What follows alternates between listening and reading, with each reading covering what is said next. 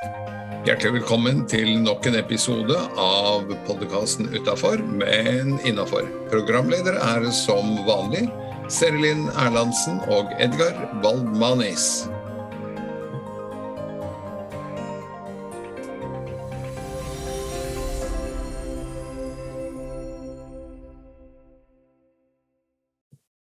Hei, jeg heter Seri Lind, og ved min side så har jeg min trofaste partner, podkastvenn Edgar, Hei, Edgar.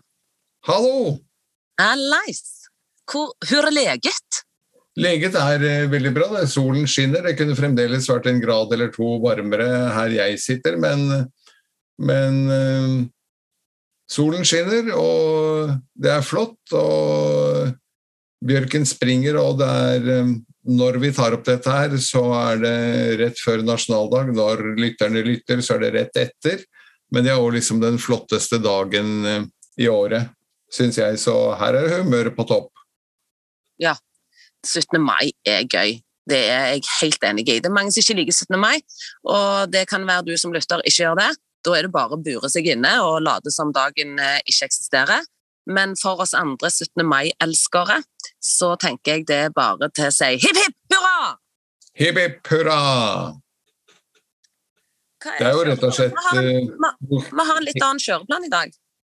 Ja, eh, vi har det. Vi bruker ikke så mye tid på bra start på dagen av dette. Vi lager en liten spesial eh, som heter 'Hvordan eh, leve når to blir tre'. Når parkinson eh, flytter inn i forholdet.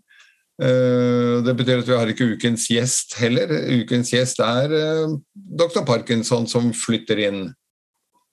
Ja. Eller hadde du noe du hadde lyst til å si om bra start på dagen og parkinson-tips? Ja, det skal jeg ha. Ja, men da syns jeg du skal kjøre på. Ja, jeg tenker at siden eh, vi har spesial parterapi, eller par, så vil jeg komme med noen tips som både kan være en god start på dagen, og som er et Parkinson-tips og et generelt eh, tips til oss alle som lever i forhold. Hvis vi tar dette morgentipset, så tenker jeg hva med at du i en liten periode nå jeg vet at det sklir ut, men at jeg inspirerer deg i hvert fall denne uken, eller i hvert fall i morgen tidlig når du står opp, til å våkne opp, snu deg rundt, gi et kjærtegn til den som ligger ved siden av deg, og så sier du noe fint. Er du ikke god på ord, så holder det kanskje med kjærtegnet, men gjør noe når du snur deg rundt som du ellers ikke ville gjort, som gjør at jeg tror det vil gjøre en forskjell, så gjør en forskjell. Test det i hvert fall ut, og hvis du bor alene, så kan du våkne opp, stryke deg sjøl på finnet, skinnet, si noe fint til deg sjøl, og det kalles for self-love. Selv. Love. Ja. Så det er mulig å gi seg sjøl kjærlighet, tro det eller ei. Og så har jeg lyst til at hvis du klarer å gjøre dette en av dagene, og våkne opp på en litt annen måte, og være bevisst på å si noe fint til partneren eller deg sjøl, reflekter etterpå om den dagen og det, den dagens krangling eller ikke krangling er bedre fordi du har begynt dagen på en annen måte. Reflekter over det når du legger deg, så kan du få motivasjon, for hvis du merker at det har vært en endring, så det er motivasjon til å fortsette med å gjøre dette, i hvert fall litt innimellom. Ja. Det er fabelaktig.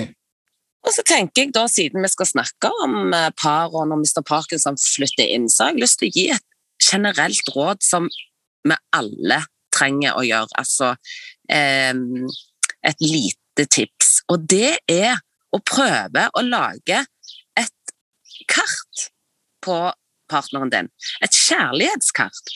Og med det mener jeg at eh, bli kjent med partneren din. For vi kjenner jo hverandre, men kjenner vi hverandre egentlig kjempegodt? Er det ikke en del ting vi ikke har helt oversikten over? Og da tenker jeg, finn ut hva din partner liker, misliker, drømmer om og frykter.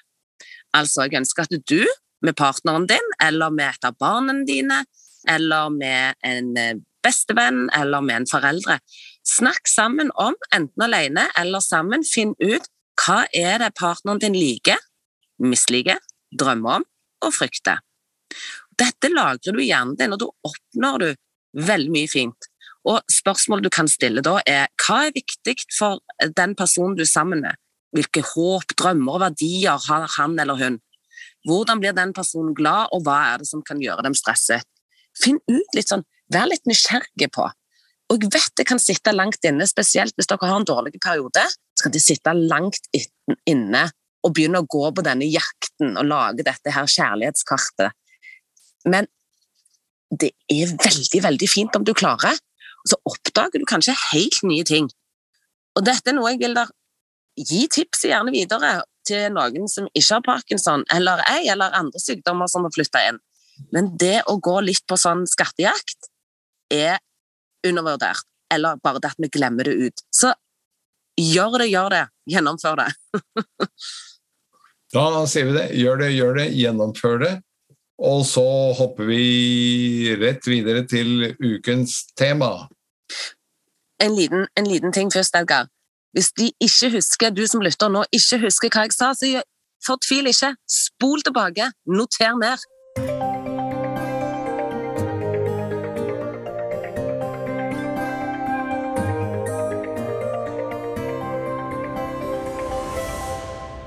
I dag en liten spesial om det å leve i parforhold når to blir tre. Uh, du har jo en del klienter uh, på den siden, Serilin? Ja, jeg har det. Jeg har eh, frivillige og ufrivillige parklienter. For det er faktisk sånn at du kan og Når jeg mener ufrivillig, så er det jo det at jeg presser det inn der jeg kan. Så selv om bestillingen er kanskje logopedi, så blir det jo til at vi sitter og prater en del, og da graver jeg jo litt og kommer med gode råd og tips. For det er faktisk sånn at med eller uten parkinson i et parforhold, så er det mulig å gjøre jobben sjøl. For stort sett så kan en snu det til at det, det er måten en tenker om det på, problemet på, som avgjør hvordan du har det. Og av og til så er det lettere å endre egne tanker enn det er å eh, få den andre personen til å endre seg. Det har vi vel alle prøvd på, og kan se at det er en ganske vanskelig jobb til deg der å lære en gammel hund å gjøre.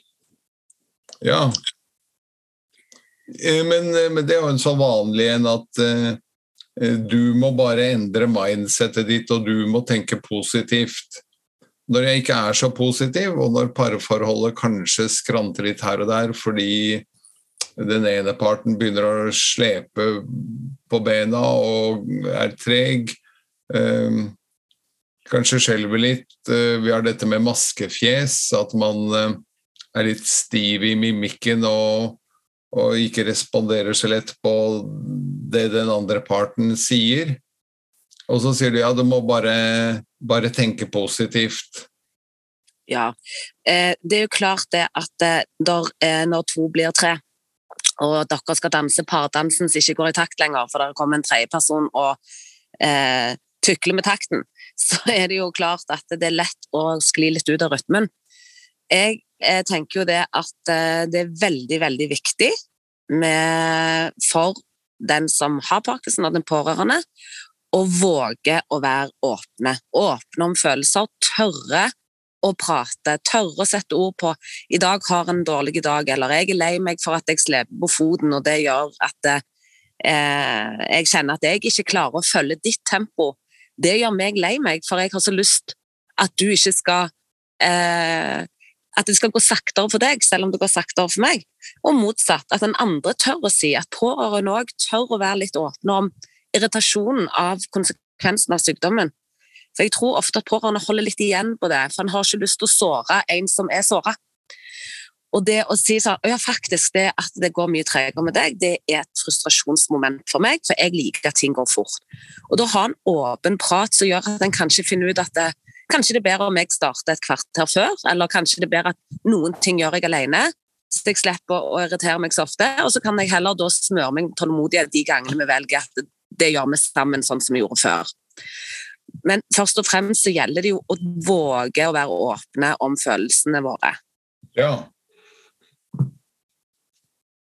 Um, og når det ikke er så lett, fordi kanskje den ene parten har blitt såret uh, tidligere når han, uh, han hun har slept uh, på bena, eller snubla og falt, eller snubla uten å falle, ja. men snubler allikevel.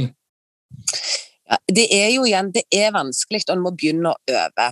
En må begynne å øve på åpenhet. Og en fin måte å våge å si ting på, det er å snu alle tingene en har lyst til å si, om til et spørsmål. For eksempel, hvis jeg har egentlig lyst til å si at jeg syns det går litt tregt med deg, Edgar, nå, eh, eller at eh, kan du få opp farten, så er det noe med, hvis en sitter og prater, så er det noe med å si sånn Hva tenker du om at det går tregere, eller syns du ikke det? At du snur din egen påstand, som du kanskje tenker kan være sårende for den andre, om til et spørsmål, og så får en en dialog rundt det, istedenfor at du da kommer med en litt sånn krass kritikk. Og det å være åpne og prate, gjør det gjerne ikke i situasjonen, men gjerne i en annen situasjon hvor du ikke er irritert. For det å snakke på en irritasjon eller snakke på en negativ følelse, om det er sinne eller frustrasjon eller redsel Redsel òg kan jo komme fram i mange hissige former. Som f.eks. mange som har dette med fall i parkinson. Og den med parkinson nekter å bruke rullator inne, for han har ikke lyst til å begynne med rullator ennå. Og så sitter pårørende med hjertet i halsen. Så er det noe med at det, ikke ta den diskusjonen nødvendigvis der og da, i nesten fallet. Sånn hissig sånn 'Det kan være ikke sa! Du må få deg rullator! Du kan ikke gå sånn!' Altså, og det er jo frykten som prater for den pårørende, da.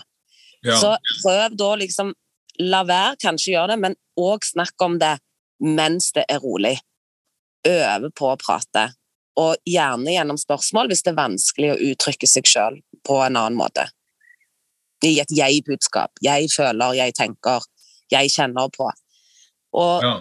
det er jo et fint utgangspunkt å bruke følelsene, eh, så lenge en òg vet hva tanker som ligger bak følelsene, hvorfor en føler som en føler. Det å klare å jobbe med det Jeg føler at det, jeg blir frustrert, fordi det å komme da med en argumentasjonsrekke. For da er det det å vite at det er en tanke bak følelsen. Det er for en grunn at en føler det en føler. Ja. Um, og dette funker? Dette funker superbra. Det er jo så enkelt. Psykologi er jo mange ganger kjempeenkelt. Men det er jo det å våge å begynne å gjøre det. Noen er gode på det, og noen er dårlige på det. Eh, så det er jo ofte sånn at det, det er å liksom ta den satsen og hoppe fra timeteren og våge det første gang, er jo skummelt. Og så finner en ut at det gikk jo greit. Det kan lande litt hardt, absolutt, men det går En overlever det. Og så finner en ut at det kanskje det ble en mestringsfølelse etterpå, som da gjør at eh, dette skal jeg prøve igjen, dette ble bra, dette ble fruktbart. Så det å samle beviset for at hvis en våger, samle beviset etterpå at det gikk bra, så får en motivasjon til å gjøre det mer. Ja.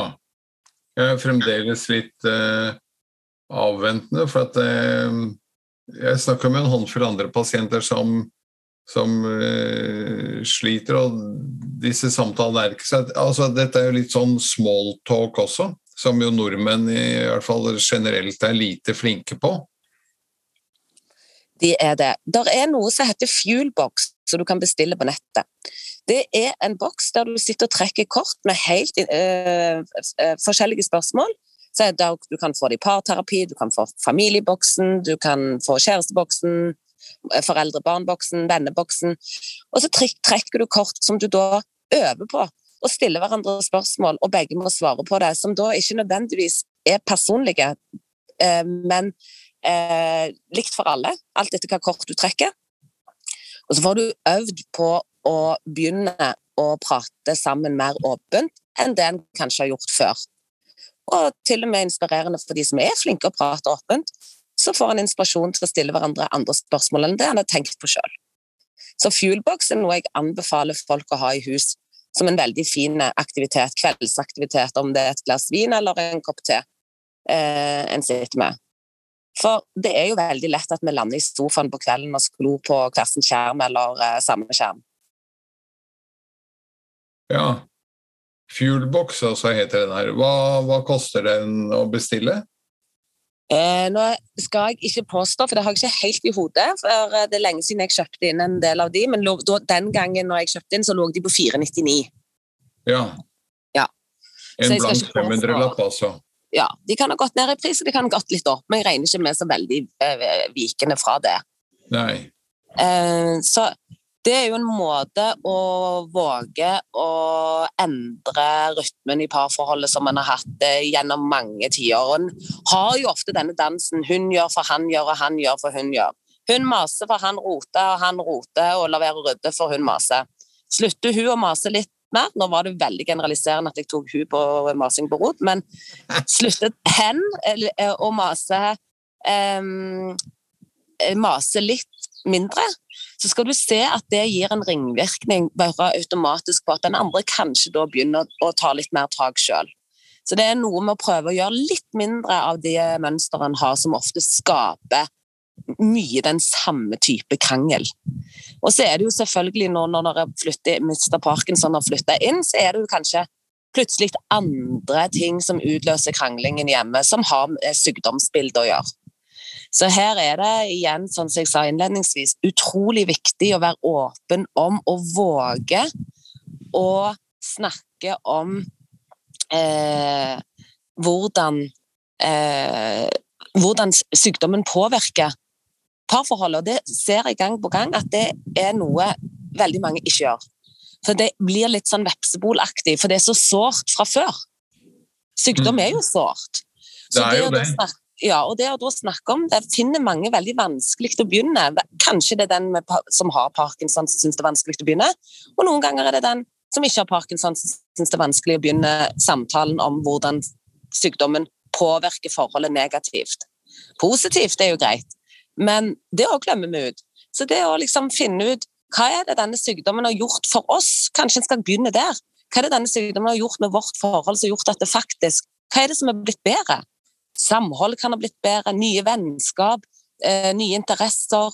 Eh, det at en ikke tar ting for gitt, setter mer pris på partneren fordi en både er avhengig og fordi at det, livet tar en uventa vending. Så det er noe med å, å, se på, og for noen så er det kanskje ingenting som er positivt, men prøv å gå litt på lupe. Ta på de største brilleglassene du har, og led etter noe som kan være positivt både for en sjøl og parforholdet. For det er så lett at vi det automatisk alltid finner det negative. Det er kjempeenkelt. Men det positive er ikke så lett å finne. Nei. Men da tror jeg vi eh, runder av eh, spesialen eh, der. Det var mye gode råd om hvordan vi skal agere når to blir tre. Ja, og det er som sagt det er enkelt for meg å sitte utenfor og komme med gode råd. Og jeg tror meg, jeg vet alt om at det er vanskelig å leve i et forhold uten sykdom til stede. Sånn at dette gjelder jo for alle. Og jeg håper at vi kommer lenger og lenger i dette som går på at det ikke er skamfullt å oppsøke terapeut. Hvorfor ikke gå forebyggende en gang i måneden og investere litt tid i parforholdet, om det var en, hos en ekstern terapeut, som jeg tror er kjempeviktig og sunt. Og eh, mange er flinke til å finne på ting sammen, men prøv å finne på et eller annet, en ny hobby eller et eller annet som dere ikke har gjort så mye før, som dere nå får tid til. Finn på et eller annet gøy som gjør at dere får en ny inspirasjon inn i forholdet. tror jeg òg er viktig, og en kan lett glemme ut. Ja, da oppfordrer vi alle til å da oppfordrer vi alle til å følge den oppfordringen. det gjør vi. Og eh, jeg skal ta disse rådene med meg inn sjøl. Ja, flott. Hva gjør vi med, med, de andre faste postene? Skal vi ha noe quiz i dag, eller eh, er det rett og slett eh, parterapi når to blir tre som Selvfølgelig skal vi kjøre vår, Serilin. Hva tror Selvfølgelig. du Selvfølgelig skal vi kjøre quiz og kransekaketips. Så det kommer etter, eh, etter vi har eh, tatt en liten vignett. Da kjører vi en liten vignett, og så er vi øyeblikkelig tilbake med kransekakevits og, eh, og quiz. Og kanskje vi har en fremsnakk også her i baklomma. Alltid en fremsnakk.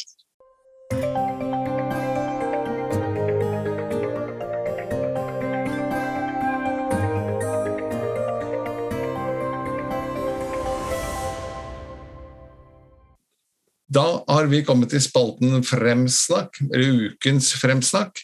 Og um, der tar jeg rett og slett ballen jeg, før du får slippe til mine, dine kransekakevitser og quiz, Serilin. Hvis det er ok? Yes. Fordi denne podkasten går jo på lufta bare et par dager etter den flotte nasjonaldagen vår. Verdens flotteste nasjonaldag, spør du meg. Um, og jeg har lyst til å fremsnakke alle de foreldre, du er jo blant dem, som har stått på og plutselig fått et korps opp og stå igjen, etter at Mm. man et par år ikke har eh, nærmest ikke har fått lov til å spille i korps og, og marsjere og gå ned til slottet og hilse kongefamilien og det hele, så er eh, alt dette på plass igjen som om ingenting hadde skjedd. Og det hadde ikke skjedd hvis ikke man hadde flotte foreldre som har eh, stått på dobbelt opp og fått eh, ting til å skje. Man har fått på plass loppemarkeder, så det er blitt litt penger i kassa. Man har engasjert foreldre i kakebaking og leker for små barn og leker for store barn. Og i det hele tatt. Det er, eh, det er noe av det som gjør nasjonaldagen vår til verdens flotteste. Ja, helt enige. I love corps. Så det er ukens fremsnakking. Ja, det tar, jeg, tar, jeg tar imot på vegne av alle andre korpsforeldre. Det syns jeg du skal gjøre. Og jeg må si at eh, jeg er takknemlig for å fremsnakke, men så må jeg si at det å være korpsmamma trodde ikke jeg skulle være så rørende og gøy. Som, jeg trodde det skulle være mer slit, men du får så mye tilbake. Så det er korps for meg. Når jeg hører det på radio nå, så, så tar jeg lett til tårene. Lettrørt over korpsmusikk. Oi. Hva er det datteren din spiller? Hun spiller bariton. Akkurat. Ja. Og det er bare du å følge med. Hvis dere ser på TV eller er nede i, eh, i toget, så er det bare du å få med seg Grünerløkka skolekorps. Verdens beste korps. Som er nummer hva for noe i køen? 114.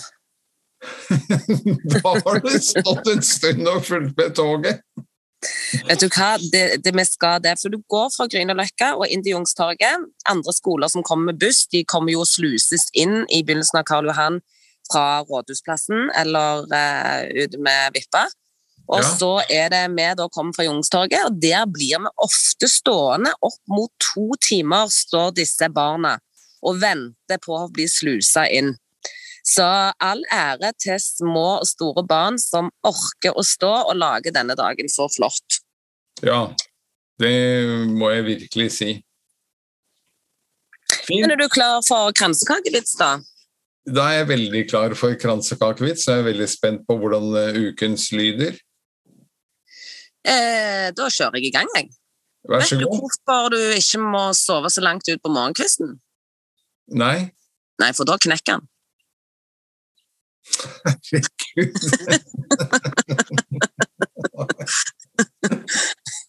Ja. Ja. Bedre får du det ikke. Nei, det, det vil jeg si. Da tror jeg vi bare forbigår den i stillhet og går på en quiz. Ja, og da skal vi inn i blanda drops. Ok? Hvor mange grader har vinklene i en likesidig trekant? Eh, da har de 60 grader. For Ja, 3 ganger 60 blir 180. ja, riktig. Hva er heter Vent på realistene, det. Ja. Hva heter Bjarne Brøndbos trommespillende bror, som også spiller i DD? Han heter vel Brøndbo, da? Ja, men hva heter han til fornavn? Uh, der må jeg melde pass, faktisk, for det vet jeg ikke. Uh, er det ikke tre brødre, da? Som spiller i bandet? Nei, ikke ifølge denne quizen. Nei, akkurat. Jeg tenkte jeg skulle få sporet deg av. Jeg sa du kom med navnene, men uh, da blir det pass. Det er jo litt gøy, det er jo litt gøy å sette deg òg ut. Du kan ikke bare svare her riktig. Nei. Hva heter han? Eskil. Ja, det var ikke nærheten av å gjette på engang. Hvilken norsk artist og sangskriver har vært med på å skrive superhiten 'Sweet But Psycho' av Ava Max? Sweet. but psycho. Og dette er en kjent låtskriver. Eh, ja. Han har vært med i Grand Prix. Han har en eh, liten diagnose. Han går ofte med pannebånd. Da heter han Elg fra Dance with a Stranger. Eller Ja, ja du, vil, du vil opp i alder, du, ja. Hvis du tenker litt ned, ned i alder hver gang vi møtes, har han vært med på diagnosen, gir han rykninger, som har da opphavet til navnet hans. Shaking Stevens, men han er jo ikke norsk. Mm. Tix. Ah, Den satt langt inne, Edgar. ja, jeg var jo helt på feil aldersarena der. Ja. Må ikke tro at jeg bare stiller sånn gamle-spørsmål. Du er jo en ung, sprek mann. Jo, takk, takk, takk, takk. Ja. Så jeg må jo jeg, jeg trodde jo at du eh, var på ballen her. Fra hvilket land har rastafari-bevegelsen sitt opphav? Eh, Fra øystaten Jamaica. Yes. I hvilken krig sto slaget ved Lützen? Lutsen. Det sto i hvilken krig? Mm. Eh, Da tipper jeg på første verdenskrig. Hvis jeg sier at året var 1632 Ja, da er vi ikke kommet fullt så langt. Da var det vel det mm, Og tallet er et hint. 1632. Det var kanskje ikke. Men hva var det for en krig som raste da? Det var noe som het Punerkrigen en gang i tiden. Mm. Var det Men riktig? eh, nei, Sverige var med. Sverige vant. Gikk seirende ut av dette slaget. Ja, men du sa at slaget var én ting, og krigen var noe annet. Ja, altså slaget ved Lutzen, men, eh, men hva, eh, i hvilken krig sto det? Mm, Riktig. I 1632. Eh, Nei, jeg er helt blank. Det er 30-årskrigen. Ja, det var det, ja. Mm. Ja. Siste spørsmål. Hva i all verden er en vlogg? En blogg er Vlogg. Vlogg. Å, det er en videoblogg. Yes! Bra! Nå var du på ballen til de Ja, nå er jeg jo på hjemmebane, da. Ja, ja, ja, ja, ja. Etter å ha vært på bortebane gjennom tre-fire andre spørsmål, så var det jo brått hjemmebane her, så ja. Se, ikke sant. Men da er vi i eh, mål med, og eh, håper at dere lyttere liker. Vi kommer til å gjøre det litt eh, mer og teste ut hvordan det er å ha temabasert podkast. Eh, tar gjerne imot tilbakemeldinger på det. Om det var rart, om det var annerledes, om det var positivt eller om det var negativt. Eh, skal selvfølgelig kjøre gjester og andre ting, men eh, er det ok at vi av og til kjører temapodkast? Så eh, gi oss et lite vink eller hint. gjør det. Gjør det. Jeg treffer jevnlig på folk som sier 'Å, den der podkasten din er så bra', og så syns jeg det er veldig hyggelig, men vi vil gjerne vite hvordan bra, og hva som er bra, og hva som kan gjøre den i dine øyne da enda Eller i dine ører, heter det vel. Enda bedre. Eventuelt om det er eh, noe vi skal vri og vrenge på for å gjøre den eh, bedre, fordi du tenker at jo, den er jo grei, men så vil vi gjerne høre hva som kommer etter mennet. Ja, det vil vi. Da setter vi strek og sier takk for oss. Det gjør vi. Ha det bra. Det var nok en episode av podkasten Utafor, men innafor. Vi håper du likte innholdet og ønsker deg på hjertelig gjenhør ved senere anledninger.